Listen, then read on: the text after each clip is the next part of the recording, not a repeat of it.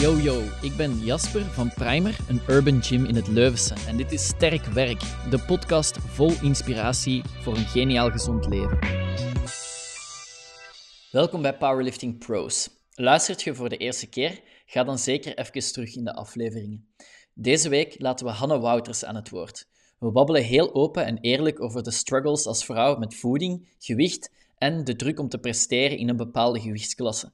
Wat zijn de donkere kanten van de powerliftingwereld en hoe kan je deze vermijden? Leer van de tips en feedback van iemand die het allemaal gezien heeft. De ups en de downs. Nogmaals, merci voor de openheid, Hanne. Enjoy the podcast, guys. Hanne, welkom op de podcast. In de eerste plaats, dikke merci om uw tijd te nemen voor even uw verhaal te doen. En dan zou ik zeggen, zoals met de rest, starten we ook met een powerlifting paspoort. Dus vertel eens, wie zijt je, Hanne? Uh, wat heb je als link met powerlifting? Wat zijn uw beste numbers? En heb je eventueel ook een Instagram waarop dat mensen wat extra info kunnen vinden? Ja, um, ja ik ben Hanne. Uh, ik denk dat ik in 2017 ben begonnen met powerliften dan mijn eerste wedstrijd heb gedaan. Um, mijn beste lifts zijn in de gym of in, op wedstrijd. Beide. Um, in training heb ik uh, op deadlift 195 gedaan. Op wedstrijd uh, eh, 190, denk ik. Squat 145. Uh, en bench on, 67,5. Mm -hmm. dus, Oké. Okay. Ja. ja. En in welke, in welke gewichtsklasse was dat? In de min 63 heb ik meegedaan. Ook twee wedstrijden in min 72 ook. Ja. Mm, Oké, top. Uh, de Instagram waar dan mensen extra info op kunnen vinden? Dat is gewoon Hanne Wouters. Dus gewoon Hanne Wouters. Ik sta wel op privé. Oké. Okay. Misschien... Dan kunnen zelf kiezen. Ja, ik zal me misschien even openzetten als de, als de podcast uitkomt. Ja, ja, ja. maar je mocht zelf kiezen wie je volgt en niet. Hè? Ja. Um, Hanne, de start van powerlifting. Hè? Wat deed je voor het powerliften? Um, ik heb uh, heel lang geskielerd, dus geskate, echt uh, totdat ik 19 was of zo, uh, op redelijk niveau. Dan heb ik een, een jaar gepopsleed, dus in het popsleedteam gezeten. Um, maar ja, ik trainde altijd al wel in de fitness. En dan heel toevallig te weten gekomen dat powerliften een sport was via Instagram. Um, en dan zitten opzoeken, dat was rond nieuwjaar denk ik, zitten opzoeken van oké, hoe kun je een wedstrijd meedoen? Uh, oké, je moet aangesloten zijn bij een fitness dat aangesloten is bij de bond. En dan wat opgezocht en dan bij Oran en HNS uitgekomen. Uh, ja, en dan een heel klein hartje naar Lebbeke gereden op een zaterdag en naartoe gekomen. Totaal niet wetende wat ik mocht verwachten. En dan... Uh, ja, zei ik tegen Oran van ja, ik wil graag wedstrijden doen. En die vroeg toen, wat, wat zijn uw beste lifts? En ik zei dat en die was zo'n beetje, ja, verbaasd. die geloofde mij precies niet echt. Ik weet niet of dat hij dat nog weet. Um, en dan heb ik daar gewoon op bench, squat en deadlift gemaxt met hem. Mhm. En dan heeft hij gezegd uh, van ja, oké, okay, uw volgende wedstrijd is binnen een maand. Uw eerste wedstrijd. En dan zo erin in begonnen. Dus, ja, eh, voor de mensen die, die misschien nog niet bezig zijn van back in the days met powerlifting, hè, in 2017, als jij gestart bent, en eigenlijk op het moment dat ik gestart ben, was iets later, maar toen waren er gewoon nog niet zoveel powerlifting gyms. Hè, want nu denk je, ja, waarom zou je naar Lebbeke rijden als jij van Leuven bent? Dat was gewoon de enige optie om een wedstrijd te doen. Ja, ja, ik weet dat. Ik heb echt moeten zoeken om een fitness te vinden.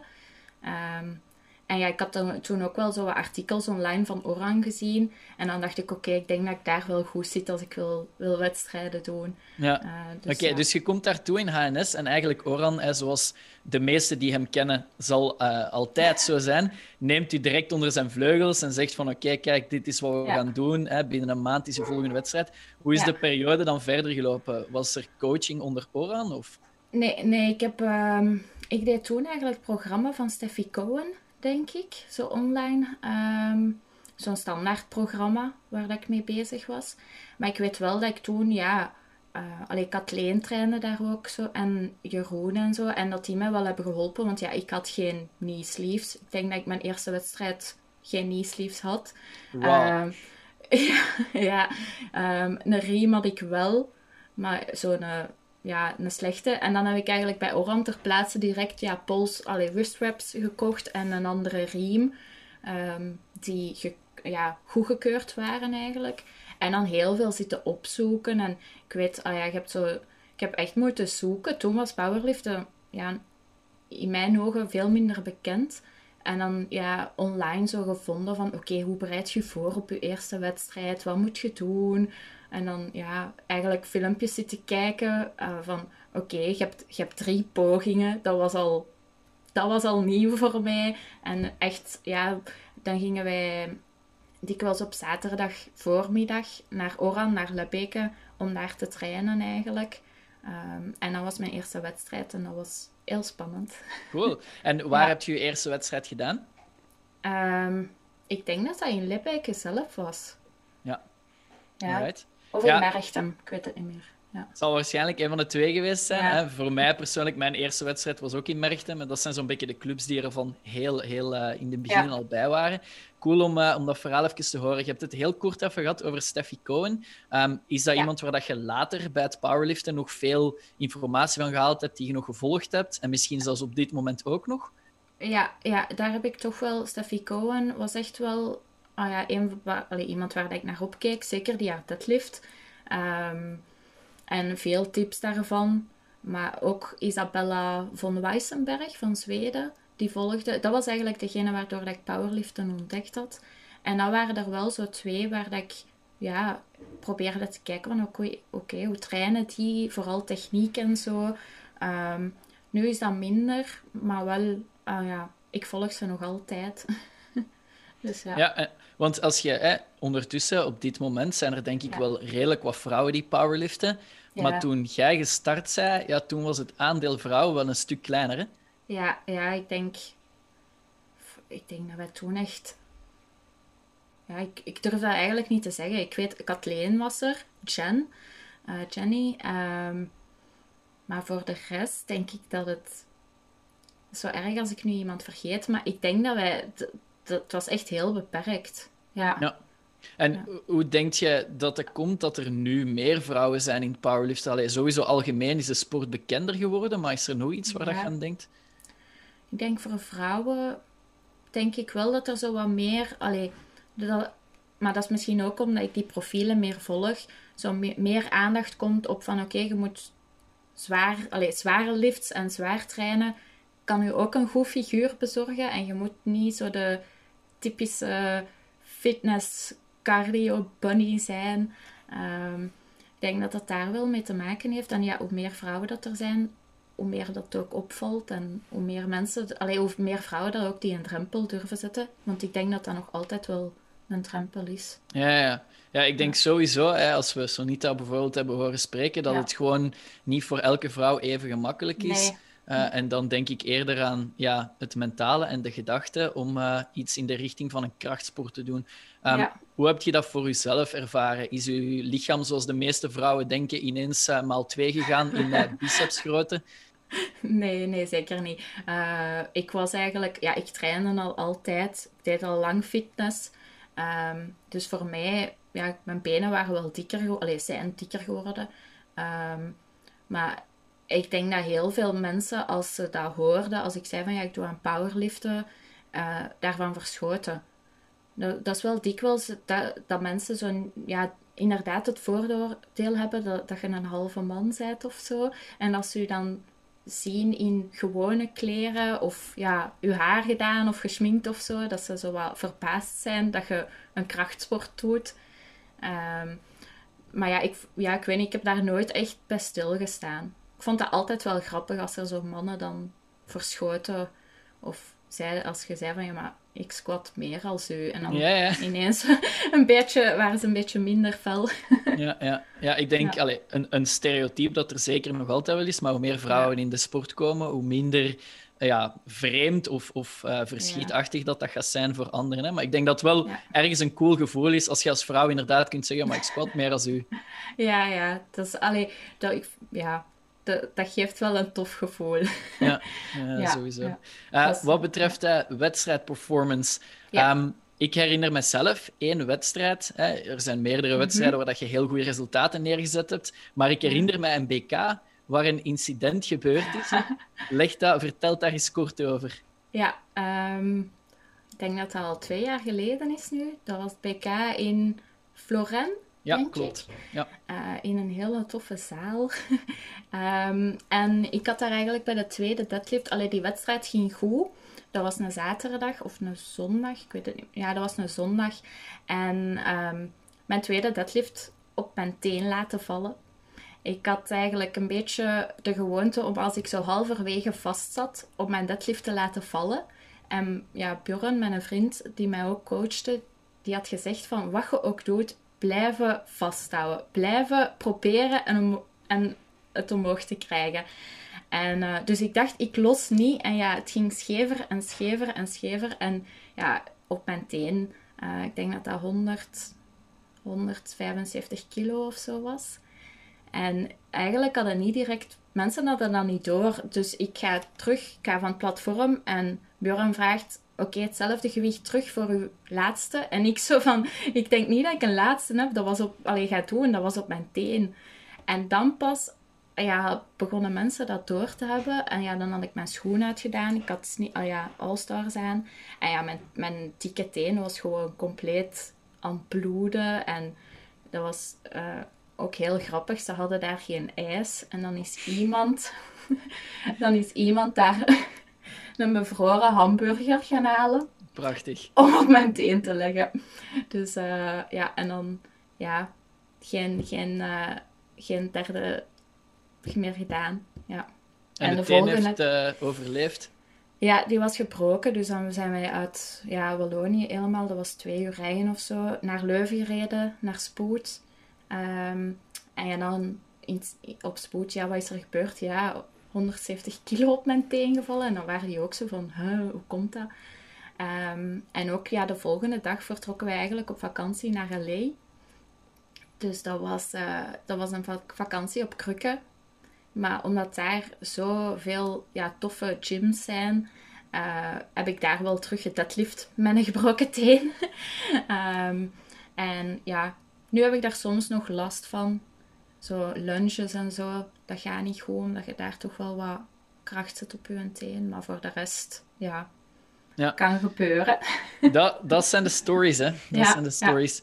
Ja. Um, je vertelt, ik heb er nu soms nog last van als ik lunches bijvoorbeeld doe. Um, hoe ziet de training er op dit moment uit voor u? Um, op dit moment train ik eigenlijk niet meer. Uh, ik heb, ik heb een, een aantal blessures gehad. Ik heb nu iets aan mijn, aan mijn kraakbeen tussen mijn ribben eigenlijk, waardoor dat ik niks mag heffen, niks mag trekken, niks mag ja, duwen of zo. Dus ik kan eigenlijk heel weinig doen. Ehm, maar daarvoor ook, ik ben eigenlijk, denk ik, ja, mag ik nu toch wel zeggen, gestopt met trainen, gestopt met powerliften. Ehm, ik wil nog wel terug, allez, trainen, maar niet meer, geen wedstrijden meer doen. En de blessuren aan uw ribben, dat is iets door het powerliften ook? Of? Uh, ja, dat weten ze eigenlijk niet goed. Dat, dat, ik denk van wel. Ik heb eigenlijk altijd heel mooi mijn schema getraind, altijd goed mijn schema gevolgd, mooi opgebouwd. Dan eerste lockdown het zo wel laten slabakken. Maar ik wou, ik wou heel graag ooit in mijn leven 200 kilo deadliften.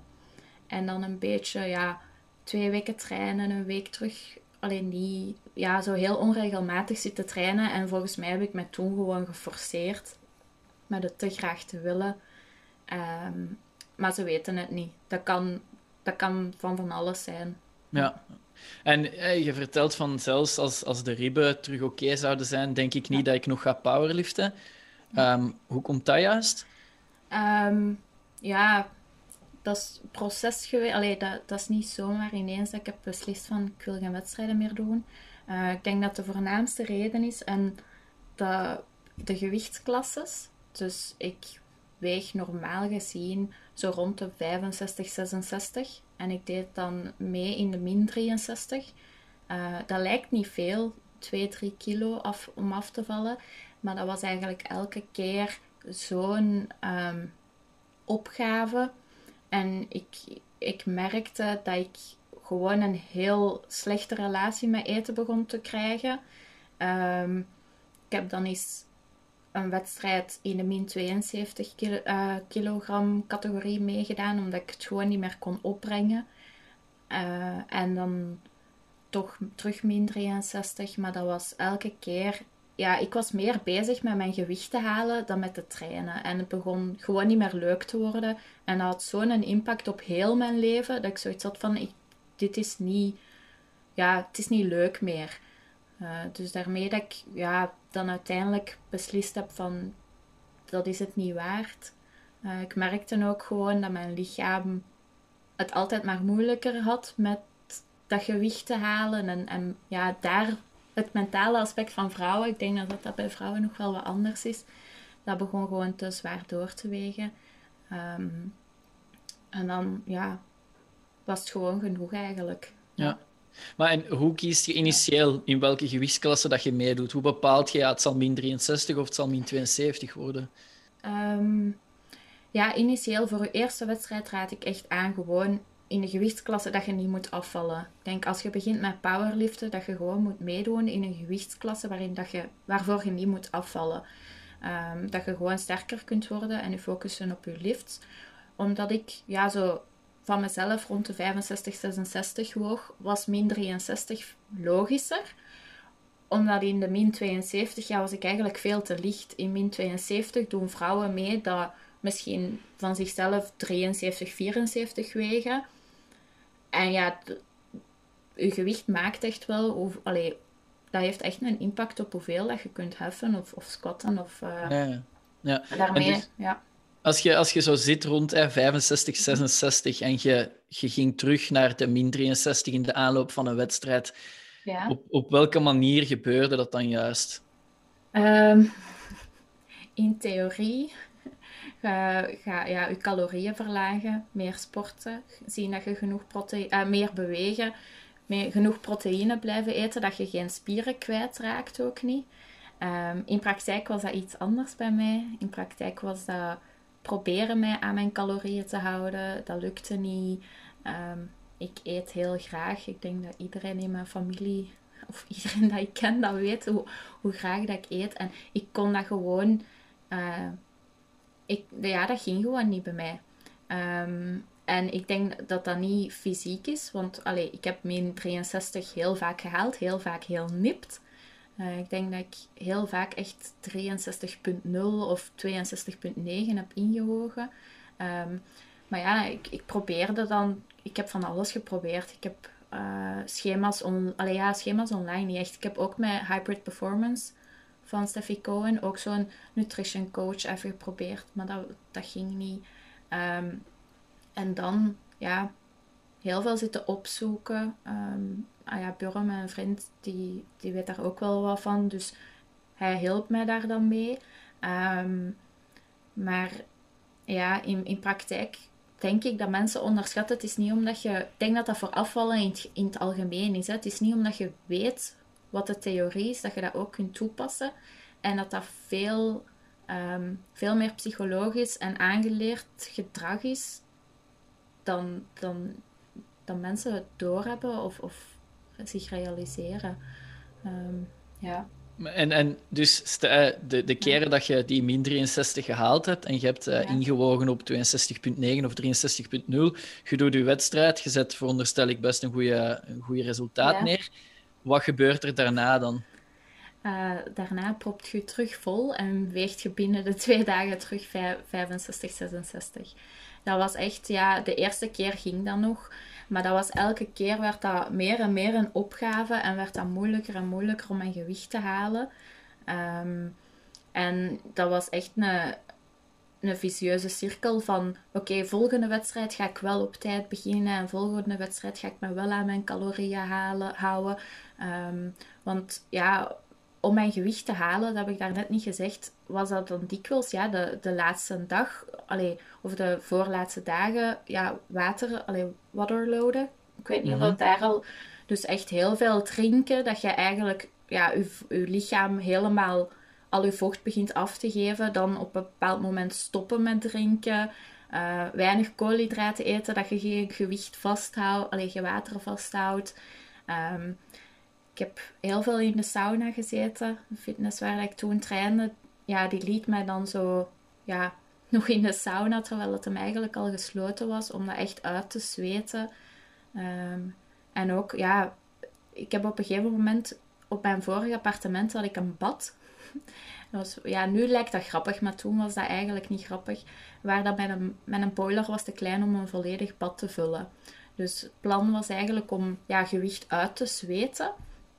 Ehm, maar ja, mijn bad geraakte niet vol genoeg met heet water. Dus dan was mijn vriend letterlijk potten water aan het koken op het vuur. En dan bracht hij dat en dan gooit hij dat bij in het bad.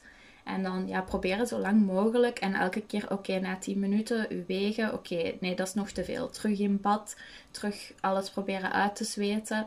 En ondertussen had ik dan al, ja, ik weet niet, een paar uur niks gedronken. Dus je voelt u echt gewoon zo slecht. En ja, dat is dan het ding tegen dat je op je wedstrijd komt en dat je je weging hebt. Was ik dikwijls zo, voelde ik me zo slecht dat dat, dat dat gewoon, ja, dat je eigenlijk geen zin meer had in je wedstrijd. Je wou gewoon dat het voorbij was en dat je terug kon eten. Ja. Ehm, ja. ja. Klink, klinkt sowieso allee, mentaal heel pittig. Um, ja.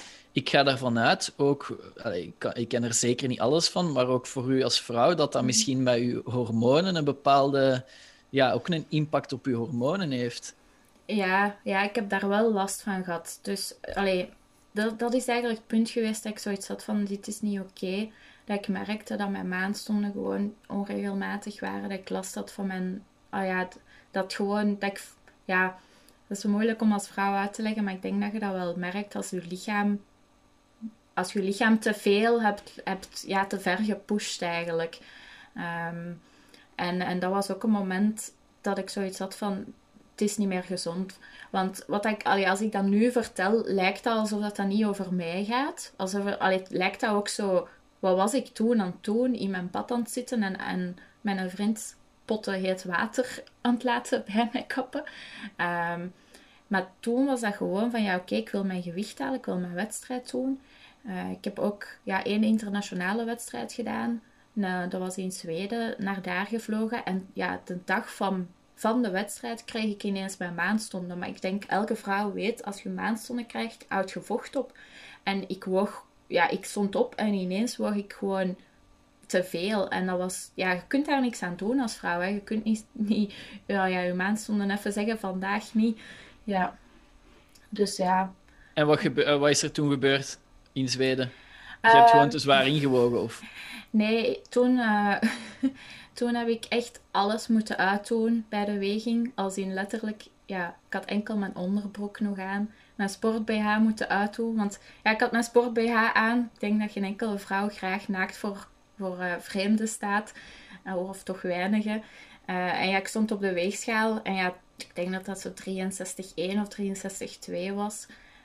Ja, en dan ja, sport-BH moeten uitdoen. En dan was het juist genoeg. Ja. Oké. Ja. En dus je hebt eigenlijk best een lange periode heel veel geschommeld tussen ja, plus of rond 66 en dan net onder die 63. Ja. Is, is dat iets, allez, hoe, want je vertelt nu, hè, dat lijkt dat ik niet over mijn eigen bezig ben. En dat snap ik volledig. Ik denk ook als je nu vertelt, hè, en de mensen die luisteren denken mhm. ook van, ah ja, maar dat is een, precies een vrij gemakkelijke keuze geweest. Hè. Je hebt gewoon beslist, ik stop ermee. Mm Maar ja, zo gemakkelijk gaat dat niet, denk ik.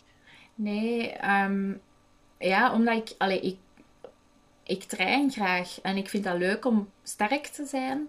Uh, en om je eigen gezond te voelen en fit en zo van oké, mijn lichaam kan dit.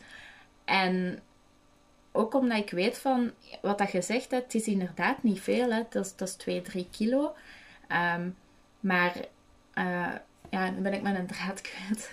Um, maar dat, dat ging gewoon elke keer moeilijker en moeilijker. Om, en ik kon dat, ja, kon dat gewoon niet meer opbrengen. Ja. Ehm, en eh, als je kijkt naar bijvoorbeeld iemand anders hè, die aan het luisteren is nu en die in deze situatie zit en die denkt van fuck wat dat Hanne vertelt, dat is exact wat ik nu voor heb. Mhm. Wat is uw advies en hoe heb jij de knoop doorgehakt en welke afweging heb je moeten maken van ga ik wel nog verder zo of ga ik niet meer zo verder?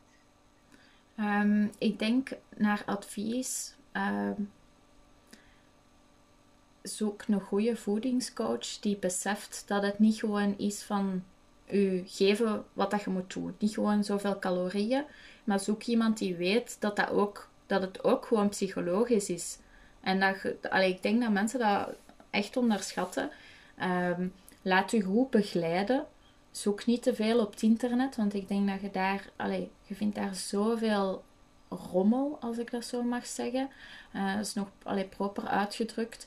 Um, maar zoek echt iemand waar dat, allee, dat niet enkel u de info geeft van je moet zoveel calorieën, zoveel vetten, zoveel koolhydraten, zoveel eiwitten geven, maar ook iemand die u helpt met oké, hoe, hoe doe ik dat nu concreet en op uw gedrag ook gaat werken. Um, en ja, ik denk misschien voor, bij mij was dat ook een beetje moeilijk omdat mijn vriend mij coachte. En ja, hij wou ook dat ik mijn gewicht haalde voor mijn wedstrijden. Maar ja, tussen vriend en vriend, ah ja, dan, dat zorgde nog voor extra spanning. Want dat was zo van, vind je mij te dik? Ja, nee, ik wil dat je gewicht haalt. En, uh, haalt. en dat, dat zorgde voor zoveel spanning. Dus ik denk, het beste advies dat ik u, allee, iemand kan geven, is zoek echt iemand die, die wilt helpen niet enkel je info geven die je nodig hebt, maar ook hoe dat je het dan in praktijk moet doen. Ehm, en, en niet te hard zijn voor jezelf. Want eh, ik denk dat dat de afweging is, dat, dat bij mij ook was. Hè. Je weet dat dat mogelijk is. Je weet inderdaad, 2, 3 kilo, dat is, allee, dat, dat is geen, geen 50 kilo dat je moet afvallen. Dat is niet onoverkomelijk. Ehm, maar ja, het is niet omdat je het weet hoe, dat je, dat je het ook dat het ook lukt. Ja. Yo, geluisterd naar Sterkwerk, de podcast van Primer, een urban gym in het Leuvense. Zometeen meer pro-tips, maar ik wil er ook even van profiteren om onze eigen coaches een shout-out te geven. In de Primer, maar ook online, zorgen zij ervoor dat je veilig en op maat kunt sporten. Check het hele aanbod op primeracademy.be. En op dit moment, als je kijkt naar, hè, je zegt ja, powerliften, dat mhm. ga ik sowieso niet meer doen. Ja. Dat is dan gedeeltelijk de blessures en gedeeltelijk het feit dat je niet meer in die gewichtsklasse struggle wilt zitten. Ja. Maar voor de rest heb je nu het gevoel met niet meer te sporten en weinig te bewegen, dat je lichaam ook aan het veranderen is. En dan ja, heb ik het zowel over positief of negatief. Ja, um, nu is dat moeilijk omdat ik echt niks mag doen. En ik voel mij nu zo onfit. Ik mis het echt om te sporten. Uh, ik mis het gewoon om, om ja, je goed te voelen. Ik denk, iedereen dat sport weet ook wel dat je achteraf als je gedaan hebt, dat je gewoon goed voelt en dat je... En ik zie ook, ik ben nu hetzelfde gewicht nog altijd, zelfs iets minder dan normaal. Nu zit ik dichter bij die 63 dan ooit. ja, ironisch genoeg. Maar mijn lichaam is wel heel hard veranderd. Mijn benen zijn... Ja, ik ben heel veel spieren kwijt. Uh, ik ben een, maat, een kledingmaat ge, uh, kleiner, uh, wat heel veel vrouwen blij zou maken, denk ik. En bij mij was dat zo'n shock van, mijn benen zijn weg, mijn, mijn, mijn gat is precies kleiner. um, en ook mensen die dat nu beginnen te zien, omdat ik al, al even niet meer zo train, die zo zeggen, amai, je bent precies, allee, ja, niet gekrompen, maar ja, minder, minder Alleen niet ik struis was, hè, maar je voelt ook gewoon dat je zo zachter bent. Ik heb niet meer zoveel spieren. Um, en ik mis dat ergens wel. Ja. Maar ik, ik merk ook wel dat mijn lichaam nog altijd aan het herstellen is, als ik dat zo mag zeggen. Van alle, van alle, ja, van alles, hoe hard ik het heb gepusht. Het heeft even tijd nodig om terug ja, in orde te komen. Ja, maar en heb je over deze situatie ooit met anderen kunnen spreken? Um, weinig. Eigenlijk weinig. Ik, weet, ik denk, ik heb er heel, heel beperkt met Jessica over gesproken. Uh, omdat ik weet dat zij daar ook wel problemen mee heeft gehad. Um, maar eigenlijk weinig, omdat ik trainde vooral met mannen die dan ja, veel rommel aten, als ik het zo mag zeggen. Um, alleen mijn vriend ook, hè, die leeft op, op pizza en hamburgers. En voor, voor heel veel mensen is het zo van, ja, als je het weet, het is niet zo moeilijk. Je moet gewoon minder calorieën eten. En dan dacht ik, ja, dat weet ik ook. Maar ergens lukt het mij psychologisch gewoon niet. Um, en, ja. Ik denk ergens, allez, heb je op dat moment ook beseft van ja, ik wil deze ook gewoon niet meer? Ja, ik, ik denk het moment, en dat is nu echt, ik heb dat nu heel recent in aanloop van, de, van deze podcast eigenlijk tegen een aantal mensen gezegd. Uh, omdat ik had aangegeven van ja, we gaan het hebben over waarom dat ik geen wedstrijden meer doe. En heel veel mensen zeiden dan, ah ja, om, om uw heup. Omdat ik heb heel lang problemen gehad met mijn heup. En dan zei ik, ja nee, ik kon gewoon niet meer normaal eten. En dan zo voorbeelden gegeven. En dan dat echt mensen zeiden van, oké, okay, ik heb het voorbeeld dat ik zelf voor mezelf zoiets had van, dit is niet oké, was het moment, ik, allee, ik woon nu samen en ik had hier in de garage een blikken doos met koeken staan. Zo ken het, zo'n groene blikken doos met allemaal verschillende, de, lak, de lakrek. En ja, ik wist van oké, als mijn vriend naar het toilet gaat of douchen, dan kan ik stiekem een paar koekjes in mijn kast slagen zonder dat hij het ziet. En toen dat begon, zo echt zo stiekem beginnen eten en beginnen zo, ja, dingen te eten dat ik ook gewoon niet lekker vond, gewoon omdat ik wou eten. En dan had ik zoiets van, dit is, dit is niet oké. En wat dat ook wel heeft geholpen is, ik weet niet of dat, dat je Stephanie Buttermore kent. Mm, nee. Dat is de vriendin van Jeff Nippert. Dat zijn, allee, die, die zijn ook redelijk bekend of groot op Instagram. En die is eigenlijk vorig jaar all-in gegaan. Ehm, dat is misschien ook voor heel veel mensen die nu luisteren, dat heeft mij echt wel geholpen. En dat was eigenlijk zo'n typische fitnessmodel, super shredded altijd. En die heeft er op een gegeven, gegeven moment gewoon gezegd: Fuck, ik ga gewoon eten hoeveel dat ik wil. En ik laat mijn lichaam gewoon doen. En ik ga gewoon het een jaar, ja, die, ik denk, nu zit die nu, heeft, nu is dat een jaar geleden of zo. En dat was bij mij ook zoiets dat ik dacht van... Oké, ik ben niet de enige die constant honger heeft... en die gewoon eigenlijk wilt genieten van, van eten. Ja, dus dat heeft mij wel geholpen, ja. En als je teruggaat naar het voorbeeld dat je geeft van die delacre koekjes... Ja. Waarom of welke gedachte gaat er in je hoofd om dat je denkt van ja, ik moet dat stiekem doen als mijn vriend naar het toilet is? Ja, omdat ja, hij, hij hielp me met van oké, eet zoveel calorieën per dag om je gewicht te halen.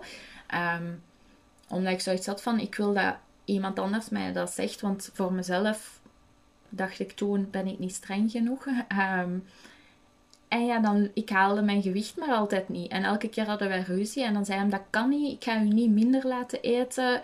Uh, je houdt u niet aan uw calorieën. En dan was ik zo, jawel, ik hou me wel aan mijn calorieën. Maar tegelijkertijd wist ik dat dat ja, dat ik stiekem zat, zat te eten. En ik wist gewoon van ja, als hij nu ziet dat ik koekjes aan het eten ben, dan gaat hij boos zijn. En dat is absoluut niet omdat hij. Allee, ik wil zeker vermijden dat mensen denken dat mijn vriend een tiran is of zo. Of dat, want dat is zeker niet dat hij dat deed om, omdat hij mij te dik vindt. Maar gewoon omdat hij wou dat ik ook mijn gewicht haalde, omdat hij mij ook coachte. En dat was, dat was geen goede combinatie, coach en relatie. Um, en ja, dat zorgde voor zoveel spanning. Dat was uh, ja, niet tof. En, uh, want ik denk, het it makes sense volledig. Dus zeker mhm. de, het feit dat coach en lief niet altijd de gemakkelijkste combo is. um, als, als, als iemand in deze situatie zit, of neem je eigen als voorbeeld, stel dat je niet uw vriend als uh, voedings- en, en powerlifting coach had, zou je dan wel hebben kunnen zeggen van kijk, ik merk dat ik eigenlijk regelmatig naar koekjes grijp? Of heb je zoiets van, ik denk dat ik zelfs dat ook voor die coach had verzwegen? Ik zou graag zeggen dat ik dat zou gezegd hebben, maar ik denk van niet. Mhm. Ik denk dat dat bij heel veel mensen en niet bij mij alleen een stuk schaamte is, omdat je zoiets hebt van, ja, zo moeilijk is het niet. Ik denk, allee, dat is ook hetgeen wat dat mensen zeggen als, als, als je overgewicht hebt, hè, van ja, je moet gewoon minder eten. Um, en dat is een stuk schaamte, omdat je, als je toegeeft dat het niet lukt, dan is het zo precies zo van dat je geen discipline of wilskracht hebt. Terwijl ik zoiets had van, ja, ik kom wel elke dag trainen en hard trainen. En, dus ik heb wel discipline en wilskracht, maar, om, maar ja, gewoon op, op vlak van voeding ging dat dan niet. Uh, dus ik denk dat dat bij heel veel mensen en bij mij ook een stuk schaamte is van ja, ik kan het niet. Mhm. ja. En als, als je spreek nu naar, naar een voedingscoach, hè, iemand die luistert en die zelf bezig is met voedingscoaching. Is er daar een bepaalde tip die je zou kunnen geven van ja, heb, heb dit gesprek of zo? Of, of vraag erachter um, bij je, je coachie? Ja, ik denk dat, dat wat dat veel voedingscoaches, of die indruk heb ik, uh, doen, is wat ik daar straks zei, info geven. Van, of, of macro's geven. Eet, eet zoveel. Um, maar ik denk dat je als voedings, voedingscoach um, ook moet werken op het psychologisch aspect en het gedragsaspect. Denk, alleen emo eten, ik denk dat dat voor veel mensen niet onbekend is. Je voelt je slecht, dus je eet iets. Waarom doe je dat? Ik denk dat heel veel van ons etens, alleen van ons voedingsgedrag, aangeleerd is ook een stuk. Bij ons, allee, bij mij in de familie, als ik naar mijn familie ga, daar is altijd eten. Mijn oma, ja, je gaat daar niet buiten zonder koekjes of pralines. En dat is, dat is een stuk aangeleerd, denk ik. Terwijl dat bijvoorbeeld mijn vriend, die heeft dat in zijn familie helemaal niet.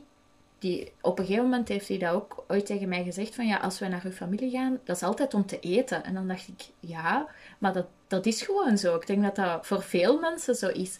En ik denk dat je een voedingscoach moet hebben die daar ook oog voor heeft. Van oké, wat, zijn, wat zijn uw gedragspatronen en, en waarom, waarom wilt je altijd mayonaise bij je fritten of zo? allee, is dat gewoonte? Is dat omdat je, dat je doet denken aan, aan vroeger of zo? Allee, dat is, ja... Allee, ik heb zelf psychologie gestudeerd en ik denk dat dat gewoon vaak onderschat wordt, dat dat ook een aspect is.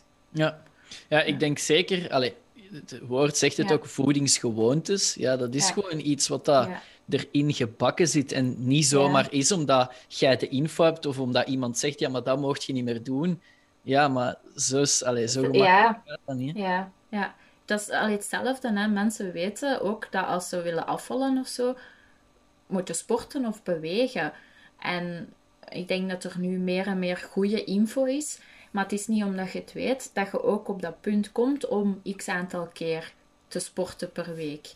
Uh, en voor sommige mensen helpt het dan om bijvoorbeeld in groep te coachen of een afspraak te hebben, zodat dat, daarin, zodat dat een gewoonte wordt. Ja. Uh, ja. En als je uiteindelijk dan die keuze gemaakt hebt van, kijk, allee, het is genoeg geweest en ik ga er gewoon uh, mee ophouden met dat weight cutten en terug mm bijkomen. En wat is de, de impact, en dan veronderstel ik eerder positief daarop geweest, met de, met de relatie met je vriend dan?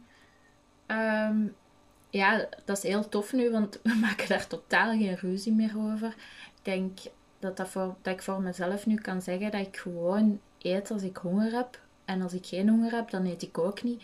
Um, dat is weer een stom voorbeeld, hè, maar ik, ik eet zo graag van die frangipannetjes. Mm -hmm. En overlaatst aan een, ja, dan was ik aan een frangipannetje begonnen. En halverwege had ik zoiets van, ik heb genoeg. En ik legde een half frangipannetje op tafel. Zo van, ja, ik ga dat straks opeten. En dat hij zei van, heb jij nu serieus een half frangipannetje laten liggen? En dat was echt zo... Nu lijkt dat kei stom, hè, maar dat was echt zo'n punt dat ik zo iets had van ik, ik kan gewoon eten als ik honger heb en stoppen als ik genoeg heb. En dat was iets super klein, maar dat was echt zo voor mij een moment dat ik dacht van...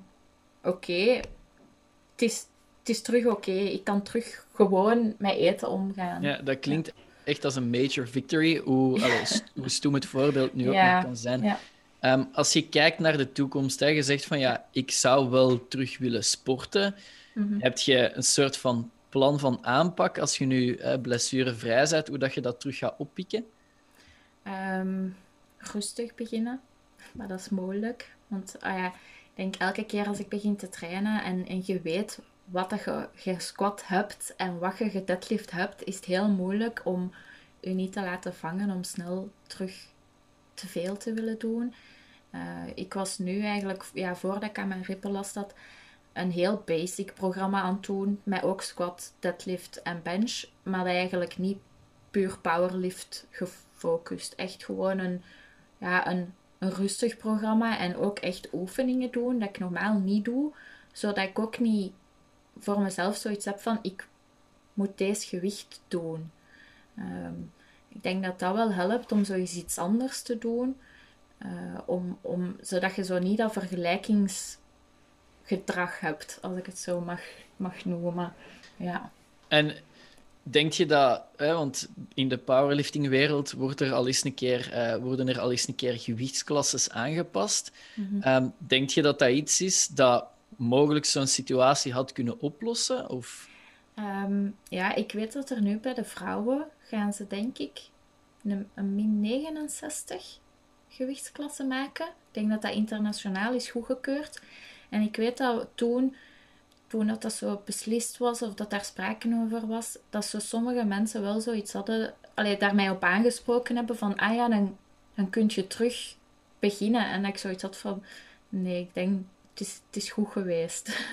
het is goed geweest. Maar ja, ik denk, dat had misschien een oplossing kunnen zijn. Uh, maar... Ja, want ik ga ervan uit, hè, als je training en wedstrijd bekijkt, mhm. eigenlijk zijn dat allemaal stressoren op je lichaam. Je hebt je training, je mhm. hebt het feit dat je met je voeding moet bezig zijn, je hebt dan nog je werk en of je studies ernaast.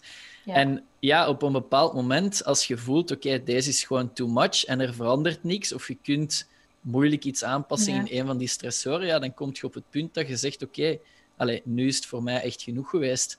Ehm, is dat soms iets waar je aan denkt dat je zoiets hebt van, ah, verdomme, dat is nu toch wel jammer dat ik tot dat punt gekomen ben? Of heb je zoiets van, nee, ik heb daar echt volledig vrede mee?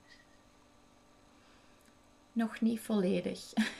allee, ik, heb, ik heb zo lang dat ik weet, allee, ik heb altijd ja, topsport, als ik dat zo mag zeggen. Ik heb altijd getraind. Ik ben altijd zo degene geweest dat zo ja, met, bij vrienden of in familie of op het werk zo de sportieve of die dat sport. En dat is zo'n stuk van uw identiteit. Ik heb nooit anders geweten dan dat ik vijf keer per week of, allee, of, of meer trainde.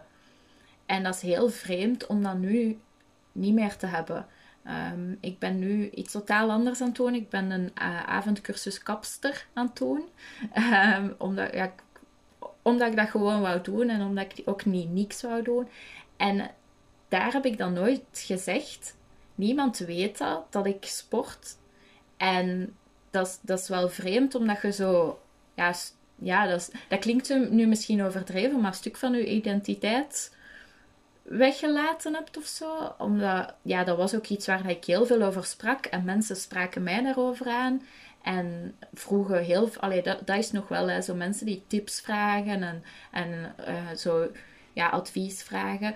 Maar ik mis dat nu wel om te sporten. En ergens weet ik dat mijn lichaam wel genoeg heeft gehad. Allee, ik denk dat ik echt wel er heel veel van gevraagd heb. Um, niet enkel met powerliften. Um, dus ik denk dat voor mijn lichaam dat goed zou zijn als ik, als ik niet meer te hard zou trainen.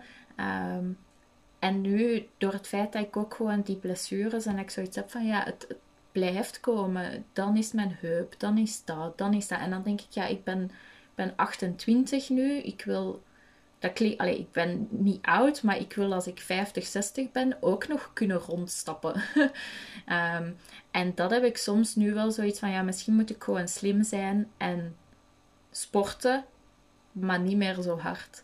Um, want niet sporten, dat, dat kan ik me niet inbeelden.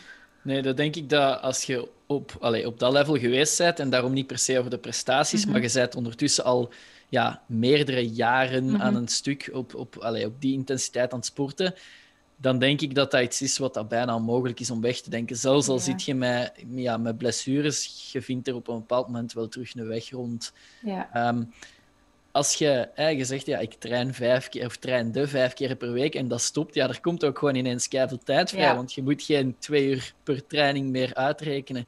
Dus hè, de, eh, de, het, um, het haarknippen Super vet, super interessant. Um, heb je daar bewust dat stukje van sport weggelaten bij die mensen? Ehm, ergens wel. Omdat dat ook, allee, dat, is, dat is tof dat mensen nu zien, maar zo, soms had ik ook zo het gevoel van, ja, ik ben meer dan, dan dat. Uh, en ook gewoon omdat je zo na een tijd zo altijd die vragen ook wel wat beu wordt.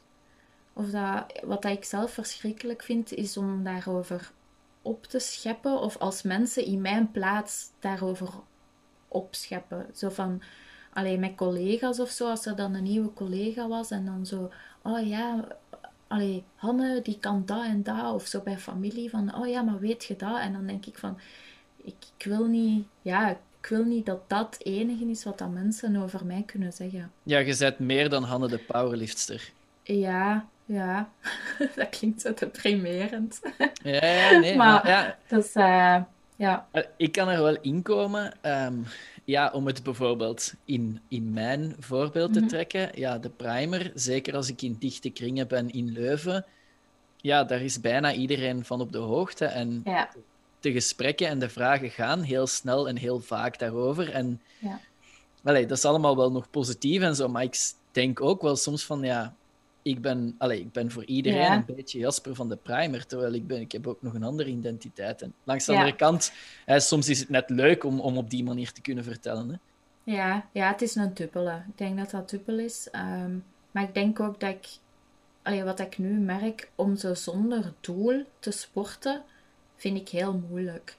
Om gemotiveerd te zijn. Zeker met de lockdown dan. En dan, ja, waarom zou je trainen? Ik, ik heb heel veel respect voor mensen die sporten zonder wedstrijden te doen. Want dat is voor mij echt een opgave.